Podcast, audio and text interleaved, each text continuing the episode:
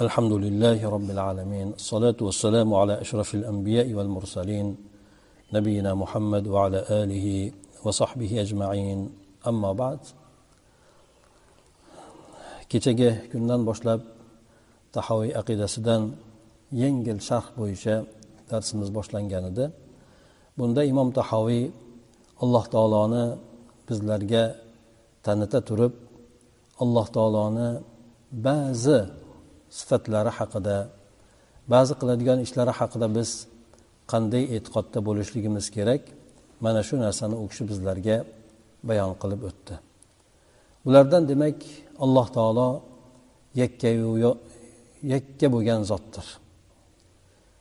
Alloh taoloni hech qanday bir tengi ham yo'q sherigi ham yo'q. Alloh taoloni biron narsa ojiz qilmaydi alloh taoloni qudrati mukammal zot bo'lganligi uchun shuningdek alloh taoloni butun hamma narsa mulki bo'lganligi uchun alloh taolo xohlagan narsagina alloh taoloni mulkida bo'ladi deb aytib o'tdi. Alloh taolo barhayot bo'lgan zot chunki u zot maxluq emas. Maxluqlarni hammasi bir kun kelib tugashligi bor lekin xoliq esa maxluqlardan ayri bir zotdir. Ana o'shandan alloh taolo barhayotdir. Hamda qayyum degan alloh taolo hamma narsani barpo qilib turadi. Hatto bizni gapirib turishligimiz bo'lsin yashab turishligimiz bo'lsin butun maxluqotlarni hammasini o'z vazifalarini bajarib turishligi bo'lsin hammasi alloh taoloni tiklashib qo'yishligi bilan o'sha narsalarni shunday qilib qo'yishligi bilan ular o'shanday holatda hayot kechiradi. Demak o'shanda alloh taoloni yana ba'zi sifatlarini ham aytib o'tdiki alloh taoloni sifatlari mukammal bo'lganligidan alloh taologa noloyiq bo'lgan sifatlar nisbat etilmaydi. Bulardan alloh taolo fanoga yuz tutmaydi barhayot bo'lganligi uchun alloh taolo vafot etib ketmaydi maxluq bo'lmaganligi uchun alloh taolo halok bo'lib ketmaydi. Chunki u zot hamma narsani boshqarib turganligi uchun. Demak bu kishi bizlarga alloh taoloni tavhidi haqida tanishtirib o'tdi. Aytib o'tdik kecha inson alloh taoloni qanchalik yaqindan tanir ekan alloh taoloni qanchalik yaxshi bilar ekan sifatlarini inson yaxshilab o'rganar ekan bu narsasi hammasi insonni hayotida o'z aksini aks ettirmasdan o'z aksini topmasdan qolmaydi. Alloh taoloni ko'rib eshitib turadi degan tasavvurni ham kecha biroz yoriqlab bergandek yoki bo'lmasa ah, ochiqlab bergandek bo'ldim. Agar inson bu narsaga e'tiqod qiladigan bo'lsa alloh taolodan hayo qilishligi bo'ladi. Aytayotgan gaplarni o'ylab gapirishligi bo'ladi. Qilayotgan ishlarini esa o'ylab alloh taoloni rozi qiladigan ishmi yoki allohni g'azablantirib qo'yadigan ishmi bu narsalarni e'tiborga olib qiladigan bo'ladi. Ana o'shandek demak alloh taoloni tavhidi haqida ham kecha gapirib o'tdik. Tavhid ulug'iyat haqida. Alloh taolodan boshqa iloh yo'q deb. Alloh taologina ibodatga loyiq bo'lgan zotdir. Ibodat qilishligimizni hamma turi demak ibodat deganda biz faqat besh vaqt namozni ro'za zakotlarni emas balki butun hayotimizni alloh taolo ko'rsatgan ko'rsatmalarga binoan yashashligimizni o'zi ham bu ibodat bo'ladi. Ana shuning uchun alloh taolo men insonlar bilan jin toifasini o'zimgagina ibodat qilishlari uchun yaratdim dedi. Demak ibodat mazmuni bizni hayotimizni hamma jabhasini o'z ichiga olar ekan. Inson ertalab turgandan boshlab agar hattoki uxlashidan boshlab deb aytsak bo'ladi niyatini yaxshi qilib yotadigan bo'lsa ertaroq yotay ertalab bomdodga yaxshi vaqtda turaman ertaroq turaman deb yotsa insonni shu uyqusi ibodat bo'ladi. Undan keyingi masjidga bo'lsa masjidga kelishligi namozini o'qishligi undan keyin hattoki choy ichishligi bo'lsin boshqasi bo'lsin agar inson niyatini yaxshi qiladigan bo'lsa albatta bu narsalar ham ibodatga kiradi. Faqatgina inson nima nima narsani nima maqsadda qilayotganligini bilishligi. Agar mana shu narsalarni to'g'ri yo'naltira oladigan bo'lsa bu haqiqatdan alloh taolo bizlarni yaratgan maqsad to'liq suratdagi hayotimizni ibodatga aylantirishlikka sabab bo'ladi. Ana undan keyin yana bu matnlarda davom etamiz. Bu kishi alloh taoloni ba'zi qiladigan ishlari va sifatlari haqida aytib o'tadiki o'n birinchi matnda xoliqun bila hajatin roziqun bila maunatin deb aytib o'tadi. Buni mazmuni shuki alloh taolo shuncha maxluqotlarni yaratgan. Bu maxluqotlarni son sanog'i yo'q. Bu katta planetalar bo'lsin yoki bo'lmasa tog'u toshlar bo'lsin. Yo bo'lmasa jonli maxluqotlar bo'lsin farishtalardan tortib kichkina qumurskalargacha bo'lsin. Bu narsalarni alloh taolo yaratdi. Milliardlab milliardlab bir biriga o'xshamagan maxluqotlarni yaratdi. O'sha maxluqotlarni ichida ham bir biriga o'xshamaydigan qilib yaratdi. Tasavvur qilib ko'raylik inson boshqa maxluqotlardan butunlay farq qiladi. Insonlarni o'zi ham ichida bir birlaridan farq qiladi. Ularni shakl tuzilishi bo'lsin qo'llaridagi barmoq izlari bo'lsin bir biridan farqli qilgan holatda alloh taolo yaratdi. Hattoki boshqa maxluqotlarda ham shuningdek. Bizga bilinmaydi lekin aytishadiki zebrani yo'llari bir biriga o'xshamaydi deydi. Zebralar bilasizlar zebrani yo'li yo'li bor. Bularni alloh taolo yaratgan lekin birisini rangi boshqasini rangi to'liq suratda tushmaydi deydi. Mana shuncha milliardlab maxluqotlarda shuningdek bo'lgan zot hech qaysi bir maxluqotga muhtoj bo'lmasdan yaratdi. Shuncha yaratgan bo'lsa alloh taolo muhtoj bo'lganligidan emas. Bizga bu kishi shuni aytib o'tyapti.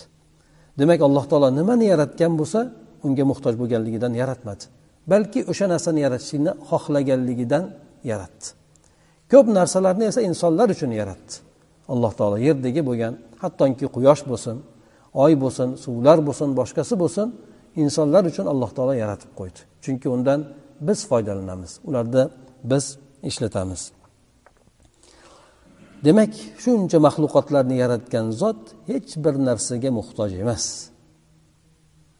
U zot kamoli qudrati buyuk bo'lganligi uchun lekin hamma narsa alloh taologa muhtoj bo'ladi. Hatto yurishida ham ko'rishida ham nafas olishligida ham biz alloh taologa muhtojmiz. Chunki nafas olishligimizu chiqarishligimizda agar alloh taolo to'sib qo'yadigan bo'lsa hech hech qaysi bir inson hech narsa qilolmaydi hatto shunda ham biz alloh taologa muhtojmiz.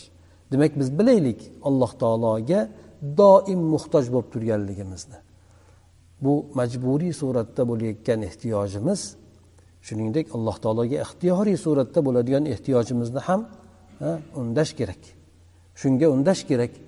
Biz alloh taologa har narsada nafas olishimizda chiqarishimizda muhtoj bo'lganimiz kabi hayotimizda to'g'ri yo'lda yurishlik uchun ham alloh taologa muhtojmiz.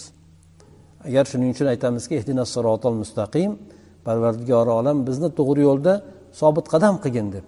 Agar alloh taolo insonni to'g'ri yo'lda mustahkam qilmas ekan uni alloh taolo iymoni hidoyati bilan ushlab turmas ekan bu inson bunchalik fasod joylarda kufrga yoki bo'lmasa gunohlarga g'arq bo'lib ketishligi tabiiy bo'lgan narsa. Shundan bilaylikki biz alloh taolo bizdan alloh taolo xohlaydi.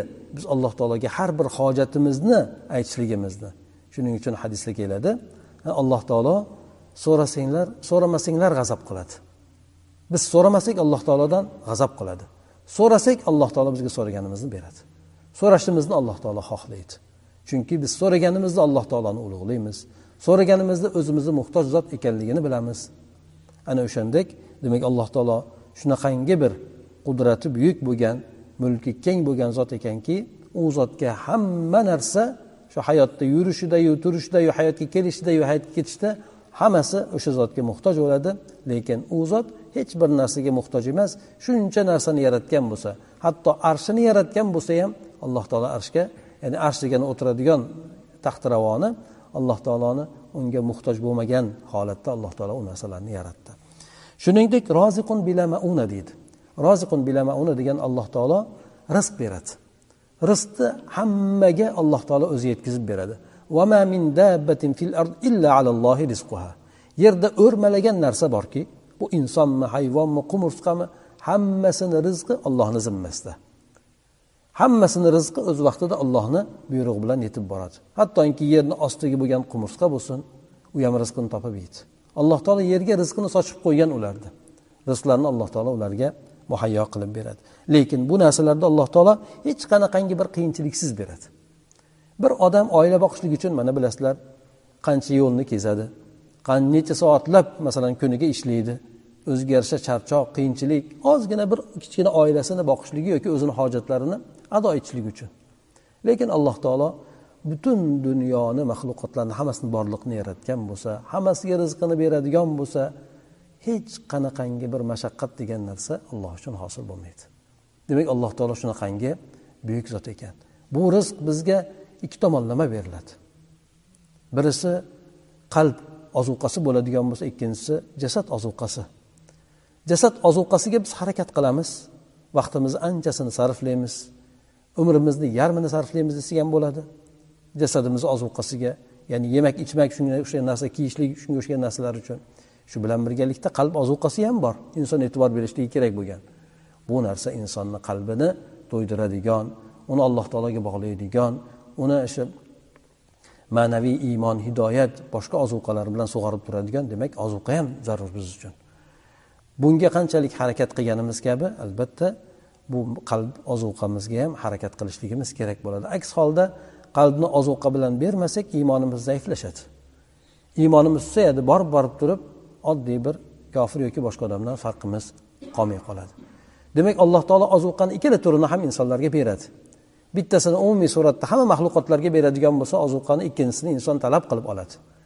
Ikkinchisi esa bu insonni o'sha hidoyatda mustahkam bo'lishligi ibodatlarni ado etishlik qalbiga bo'ladigan ozuqani inson alloh taolodan so'rab talab qilib yurib oladi. Alloh taolo mana oyatda ham aytib o'tdik endi degan oyatda ya'ni men insonu jinlarni hammasini ibodat qilishlik uchun yaratdim. Ma uridu minhum min rizqin. Va ma uridu an yut'imun. Men insonlardan ya'ni o'sha insonlaru jinlar bo'lsin birontasidan rizqni so'ramayman. Chunki o'zi beradi alloh taolo. Zimmasiga oldi alloh taolo rizqni. Yaxshi bilib olaylik alloh taolo hech bir insonlarni maxluqotlarni och qoldirmaslikni zimmasiga oldi. Ularga rizqini alloh taolo yetkazib beradi. Lekin inson olloh rizqini bo'yniga olgan zimmasiga olgan narsani inson o'zini zimmasiga olib olloh zimmasiga olmagan narsani inson e'tiborsiz qoldirmaslik kerak. Rizq bizga kafolatlangan. Bizga belgilangan rizqni oxirigacha yemasdan dunyodan o'tmaymiz. Lekin ikkinchi bir tomon bor. Aytib o'tdik ma'naviy bo'lgan ozuqa qalb ozuqasi. Bu narsani alloh taolo bizga ha har bittalarga beraman deb zimmasiga olgani yo'q. Bu narsani biz o'zimiz harakat qilib talab qilib olishligimiz kerak. Inson qiziqki kafolatlangan rizqni ertayu kech yuguradida u kafolatlangan alloh taolo tomonidan. Ikkinchi rizqda esa bee'tibor bo'ladi. Yo'q aslida ikkinchi rizqqa biz qattiq ahamiyat bersak birinchi rizq o'z öz o'zidan bizga keladigan narsa. Harakat qilamiz u rizq ham bizga harakat qilib keladigan narsadir. Deb aytadi oyatda. Demak alloh taolo men sizlardan rizq ham talab qilmayman so'ramayman meni taomlantirishliginglarni ham aytmayman. Chunki alloh taolo o'zi beradi. Chunki alloh taolo razzoq zotdir. Hammaga rizqini yetarli qilib oshirib toshirib beradi.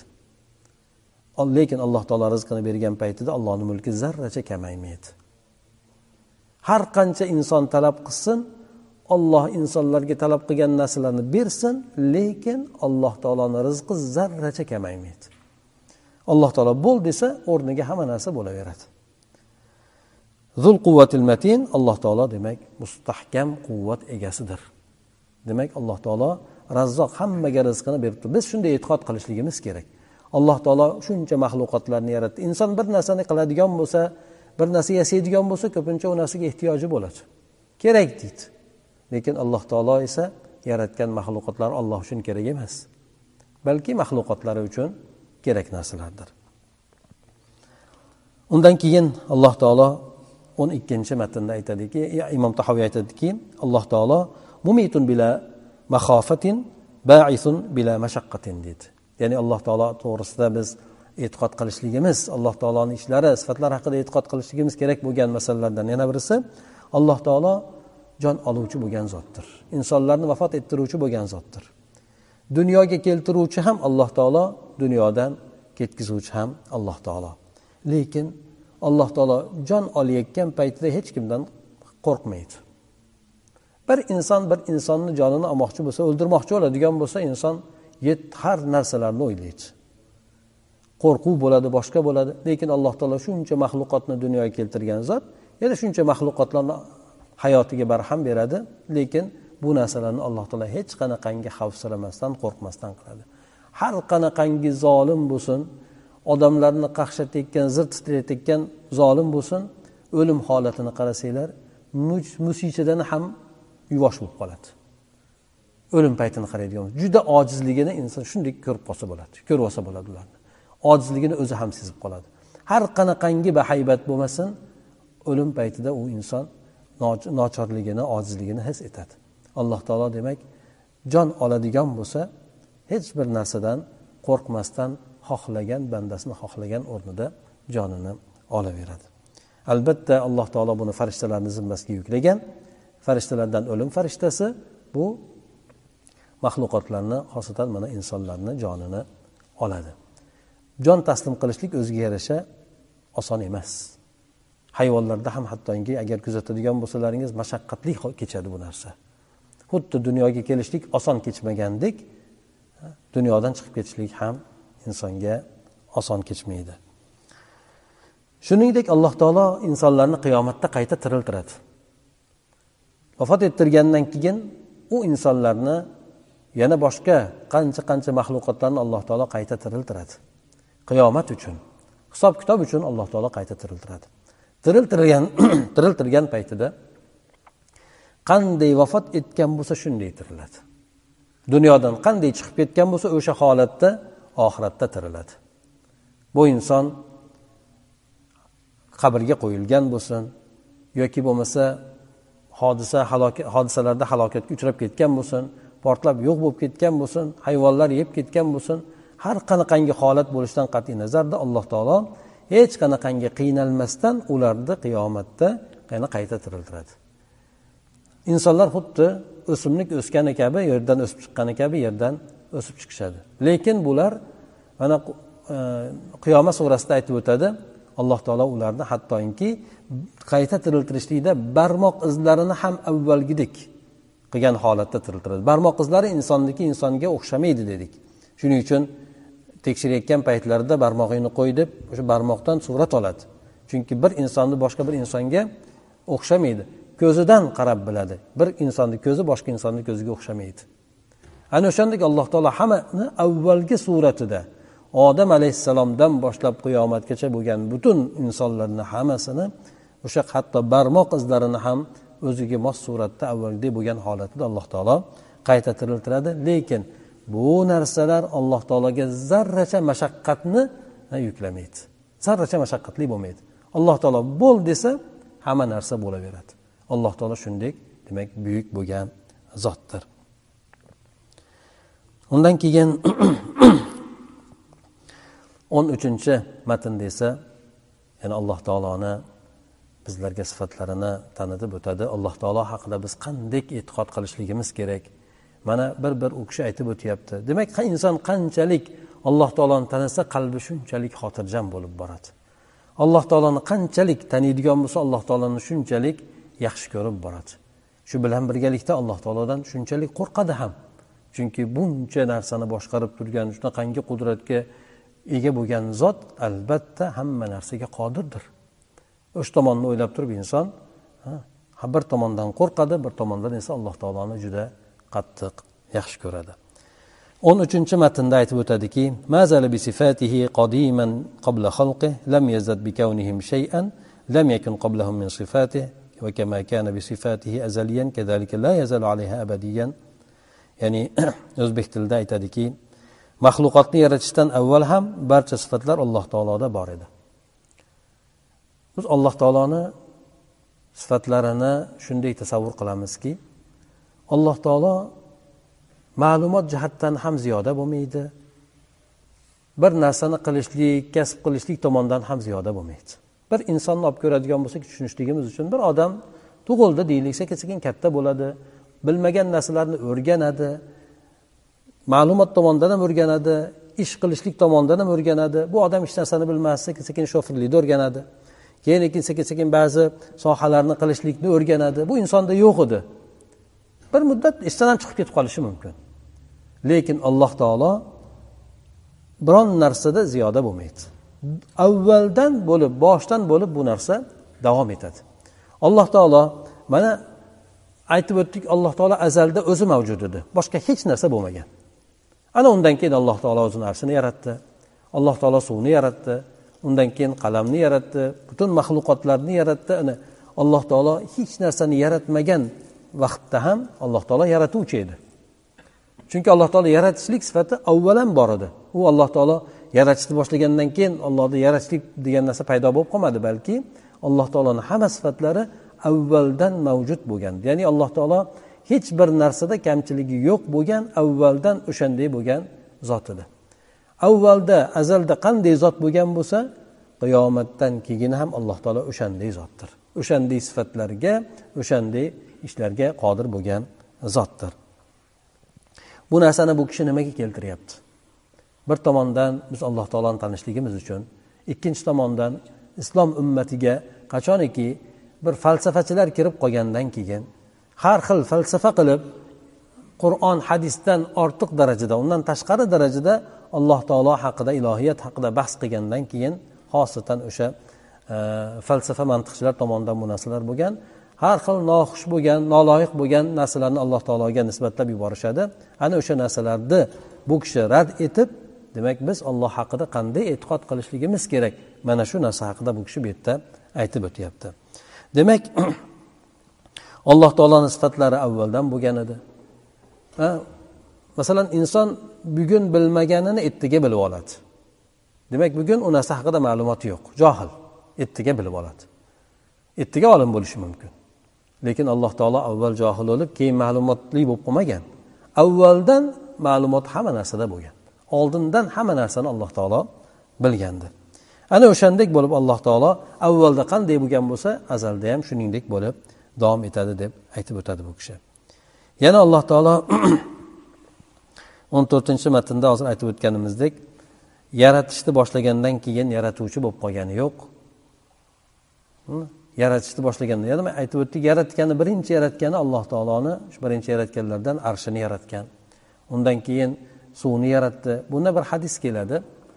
Alloh taolo yeru osmonlarni yaratishlikdan ellik ming yil avval insonlarni taqdirotini yozib qo'ygan. Nima ish qilishligini hozirgi kunda qiyomatgacha insonlar nima ish qiladi? Nafaqat insonlar butun maxluqotlar nima qiladi? Qanday yashaydi? Qancha umr ko'radi? Qancha narsa rizq yeydi? Hamma narsa alloh taologa ular hali yaralishligidan ellik ming yil oldin ma'lum bo'lgan. Biz buni tasavvur qilolmaymiz lekin alloh taolo shunaqangi buyuk bo'lgan zotdir. Demak o'shanda ham alloh taolo olim edi bugun ham olimdir. O'shanda alloh taolo bilgan narsa bugun ham o'shandek demak alloh taoloni ilmini biron narsa ziyoda qilib qo'ymaydi. Yangi chiqqan narsa bu narsani ba'zi toifalar aytadi. Alloh taolo avvaldan kelajakda bo'ladigan narsani bilmaydi bo'lgandan keyin biladi deb. Musulmonman deb davo qilgan odamlarni ichida ham avval bo'lgan bu narsalar. Musulmonlardan tashqari yahudlarda ham boshqalarda ham bor bu narsa. Alloh taologa yangilik deydi. Avval bilmagan bunday bo'lishligini deydi. Alloh taolo bo'lgandan keyin lekin o'shanga qarab tasarruf qilgan deydi. Yo'q unday emas. Alloh taolo avvaldan ma'lum alloh taologa hamma narsa. Alloh taolo o'n beshinchi matnda aytadiki alloh taolo robdir tarbiyachidir. Alloh taolo mana koinotni yaratdi. Butun borliqni yaratdi. Butun borliq deganimizda nimaiki yaralgan bo'lsa hamma narsasi. Yetti qavat osmon bo'lsin uni ichidagi bo'lgan maxluqotlarni hammasi bo'lsin alloh taoloni arshi bo'lsin nima bo'lsa alloh taolo hammasini yaratgan bo'lsa ularni alloh taolo o'zi boshqarib turadi. Ularni tarbiyalab turadi. Nima narsa ularga muhtoj nima ular nima narsaga muhtoj?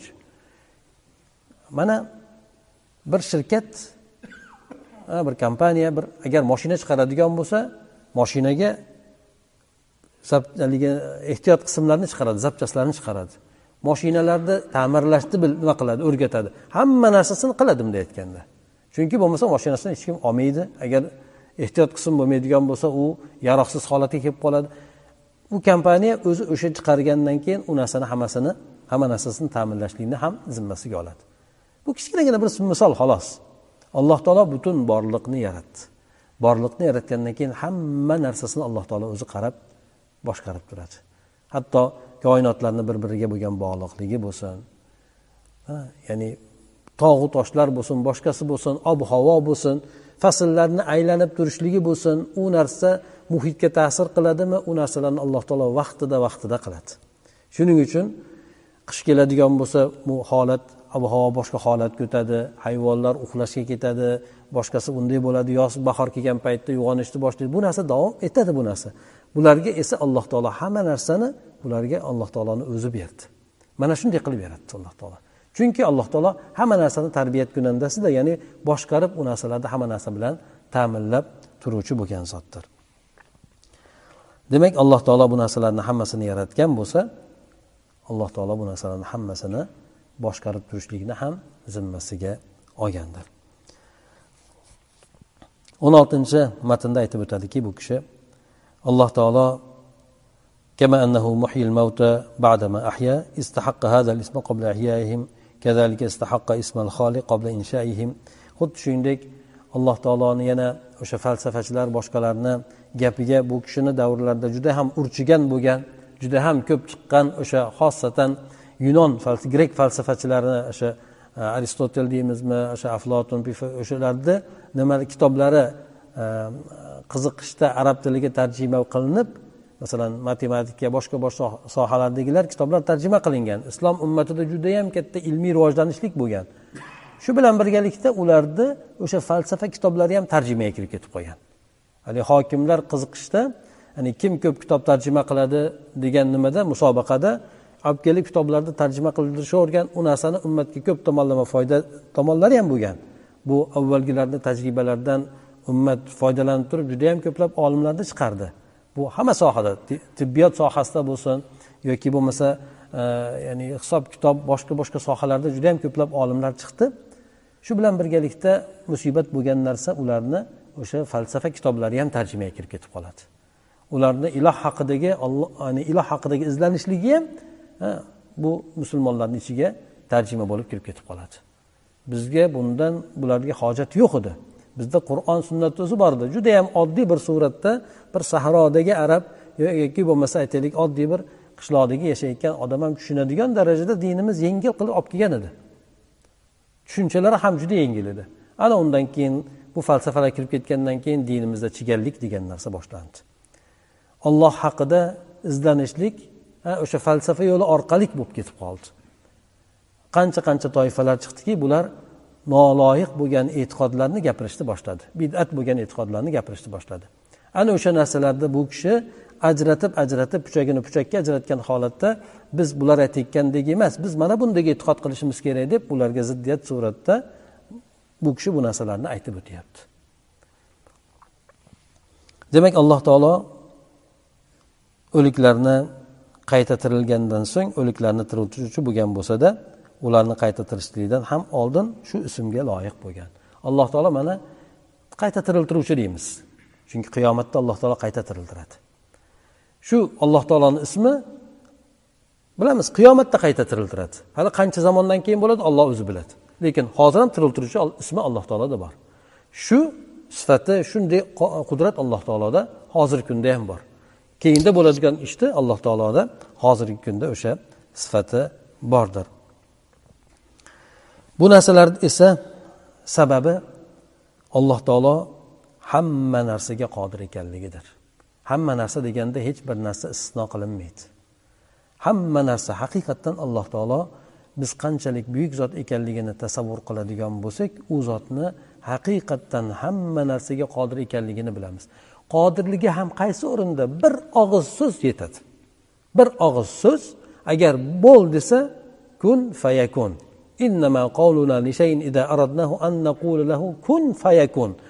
Bizni ishimiz agar biron narsani xohlaydigan bo'lsak nima narsa bo'lishidan qat'iy nazar. Katta katta maxluqotlar bo'ladimi? Yer osmonlarni yaratilishi bo'ladimi? Boshqa bo'ladimi? Alloh taolo agar xohlasa nima narsani xohlasa bo'l deb qo'yadi xolos. U narsa vujudga keladi. Sabablari hamma narsasi muhayyo bo'lgan holatda vujudga keladi. Inson hayoliga kelmaydigan suratda alloh taolo ba'zi narsalarni qilib qo'yadi. Butunlay inson tasavvur qilmaydigan darajada. Lekin alloh taoloni o'sha narsalarga faqatgina bo'l deb qo'yishligini o'zi kifoya qiladi.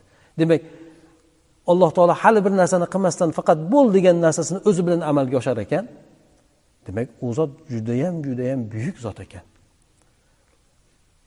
Alloh taolo osmonlarni yetti kunda yaratdi olti kunda yaratdi yer osmonlarni.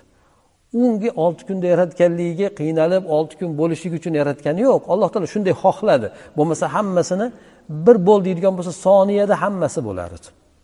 Shuning uchun jannatlarni ichida firdavs jannatini alloh taolo qo'li bilan yaratgan deb keladi. Qolgan jannatlarni esa bo'l degan o'shalar bo'lgan. Ha misol tariqasida olib ko'radigan bo'lsak zavod konveyerga qo'yib chiqaradigan narsa bilan qo'lda ishlab chiqarilganda farqi bo'ladi. Agar gilomlar uskuna bilan mashina bilan chiqariladigan bo'lsa narxi o'ziga yarasha bo'ladi. Qo'lda to'qilgan bo'lsa narxi qimmatroq bo'ladi. Oddiy bir tushunadigan bo'lsak. Alloh taolo jannatlarni hammasini bo'l degan judayam bir go'zal chiroyli suratda hammasi muhayyo bo'lgan. Lekin jannatlarni ichida birsini alloh taolo o'zi yaratgan. O'zi qo'li bilan narsalarni ekkan.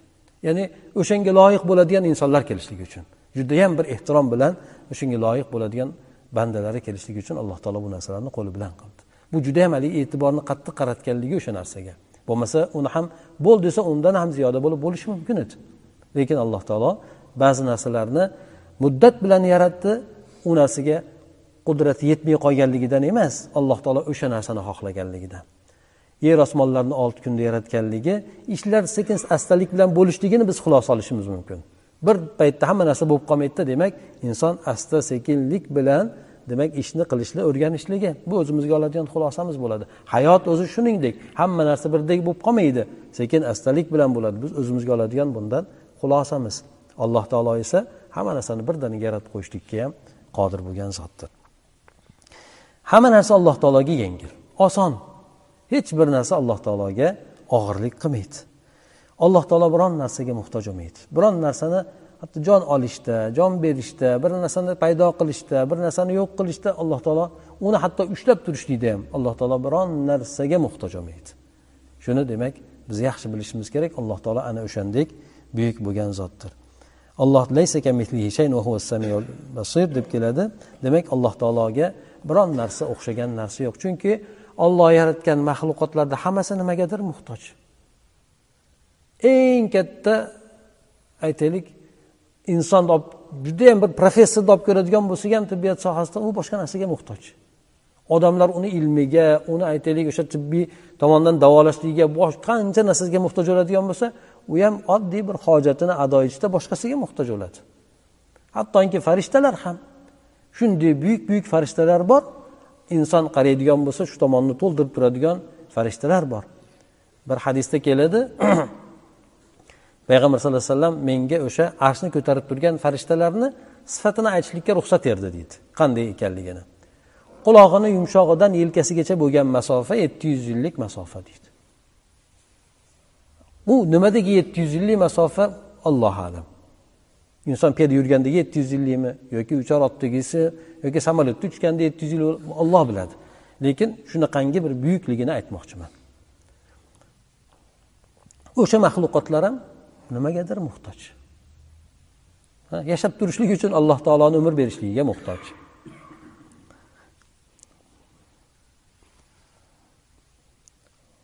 Undan keyin o'n sakkizinchi matnda aytadiki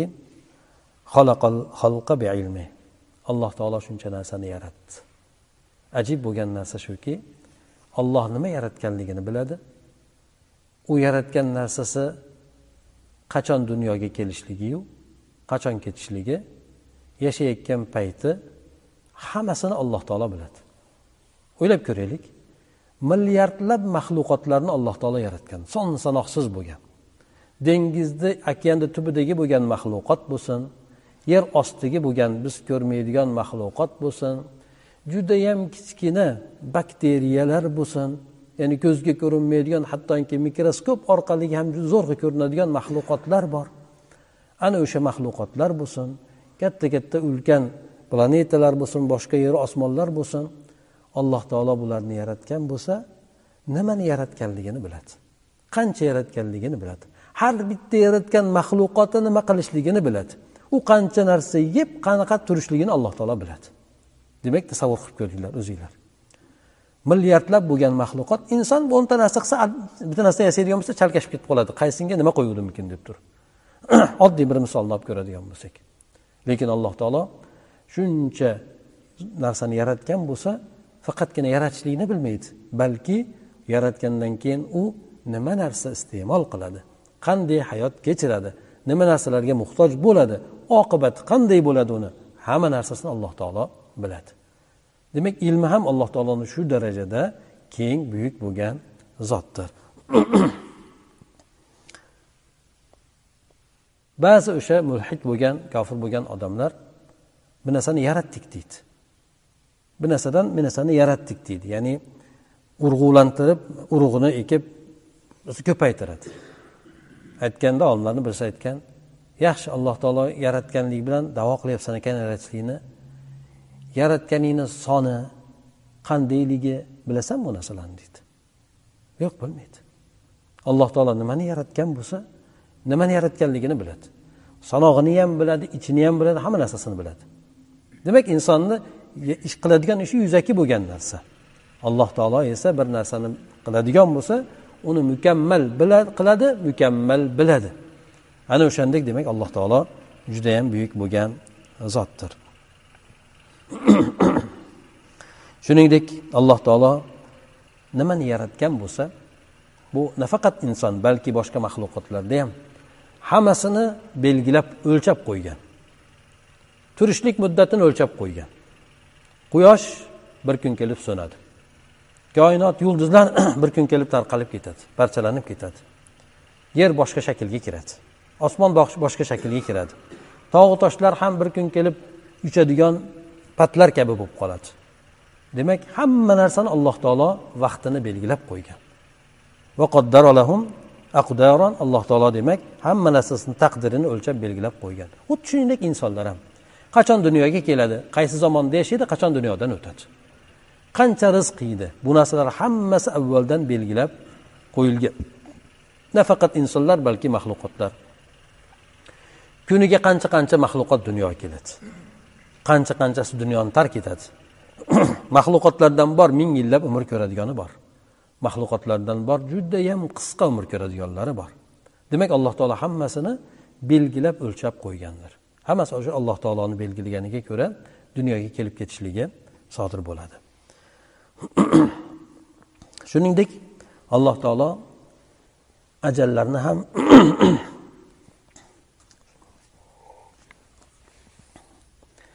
ajallarni ham alloh taolo belgilagan.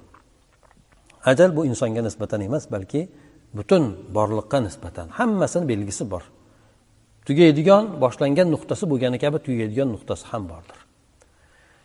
Boshlangan nuqtasi ehtimol biz bilmasmiz qachon bo'lganligini. Bu yer qaysi paytda qachon dunyoga kelgan ekanligini ehtimol biz bilmasmiz. Buni boshlanish nuqtasi bor. Shuningdek uni nihoyasi ham bordir. Alloh taolo bir kun kelib bu yerni butunlay boshqa shaklga kiritib yuboradi. Boshqa maxluqotlarni ham xuddi shuningdek biz ko'rayotgan narsamiz jonli narsalar bo'lsin. Masalan inson yoki hayvonlar dunyoga kelyapti dunyodan ketyapti. Jonsiz narsalar ham bo'lyapti yonib kul olib yo'qolib ketyapti. Daraxt o'syapti bir muddatdan keyin qirqilib yoki yo'qolib ketyapti yoki boshqa e, narsalar bilan halok bo'lyapti yoki yo'qolib ketyapti. Demak hamma narsani alloh taolo aytib o'tdik boshqarib turadi unga kerakli bo'lgan dunyoga keltiradi kerakli bo'lgan narsasini beradi ushlab turadi. Shuningdek uni chegaralangan muddatni ham alloh taolo belgilab qo'ygan. Nima narsani alloh taolo ketkazadigan bo'lsa qo'rqmasdan ketkazadi.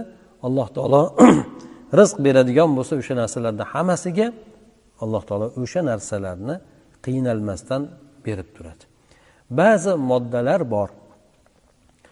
Ovqat yemasa ham lekin ular uchun muayyan bir muhit kerak. Agar muhit muayyan muhit bo'lmasa u narsalar nurab yo'qolib ketadi. Alloh taolo demak o'sha narsalarga ham o'sha muhitini berib o'sha ushlab turadi. Toshlar bo'lsin daraxtlar bo'lsin boshqalar bo'lsin ularga muayyan bir muhit bo'lmasa yasholmaydi turolmaydi demak alloh taolo ularga o'shanday bo'lgan muhitni ham yaratib beradi. demak bizni robbimiz shunaqangi buyuk qudratlarga ega bo'lgan zot ekan.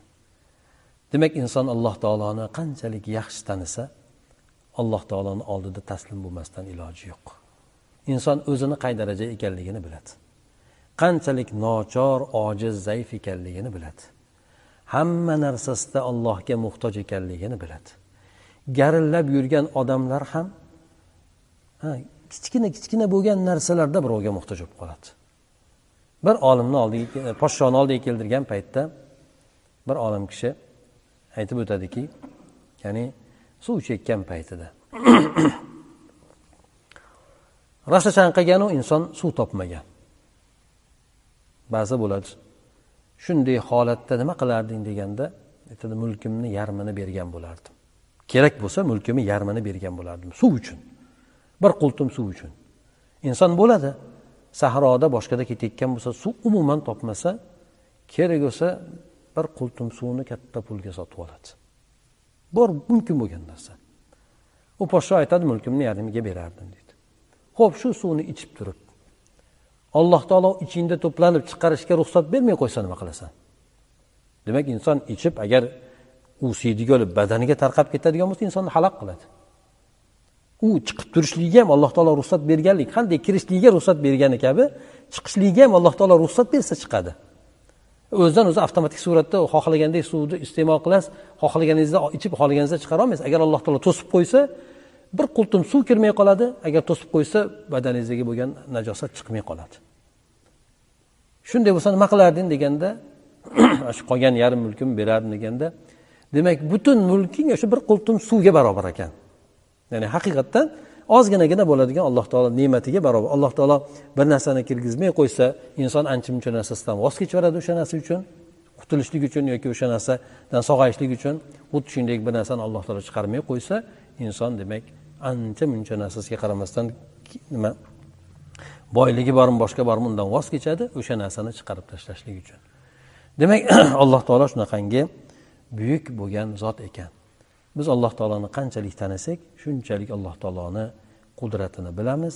Alloh taoloni yordam berishlikka ham qodir zot ekanligini bilamiz.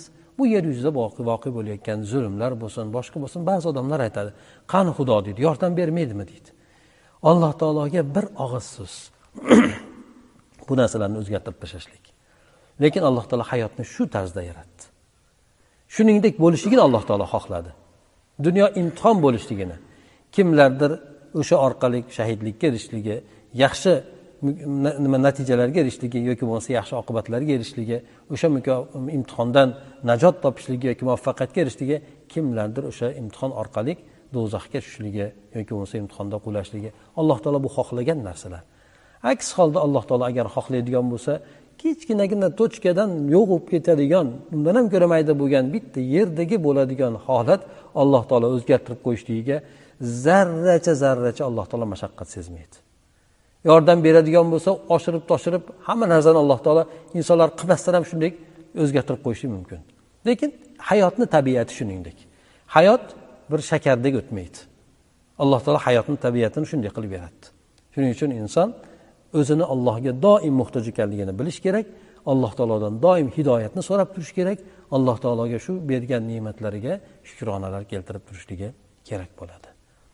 inshaalloh ertaga bo'lgan darsimizda ham yana alloh taologa e'tiqod qilishlik to'g'risida alloh taolo bizga tanishtirishlik bilan davom etadi ana undan keyin esa boshqa biz e'tiqod qilishligimiz kerak bo'lgan masalalarda bizlarga yoritib berishni boshlaydi سبحانك اللهم وبحمدك نشهد أن لا إله إلا أنت نستغفرك ونتوب إليك اللهم انفعنا بما علمتنا وعلمنا ما ينفعنا وزدنا علما السلام عليكم ورحمة الله وبركاته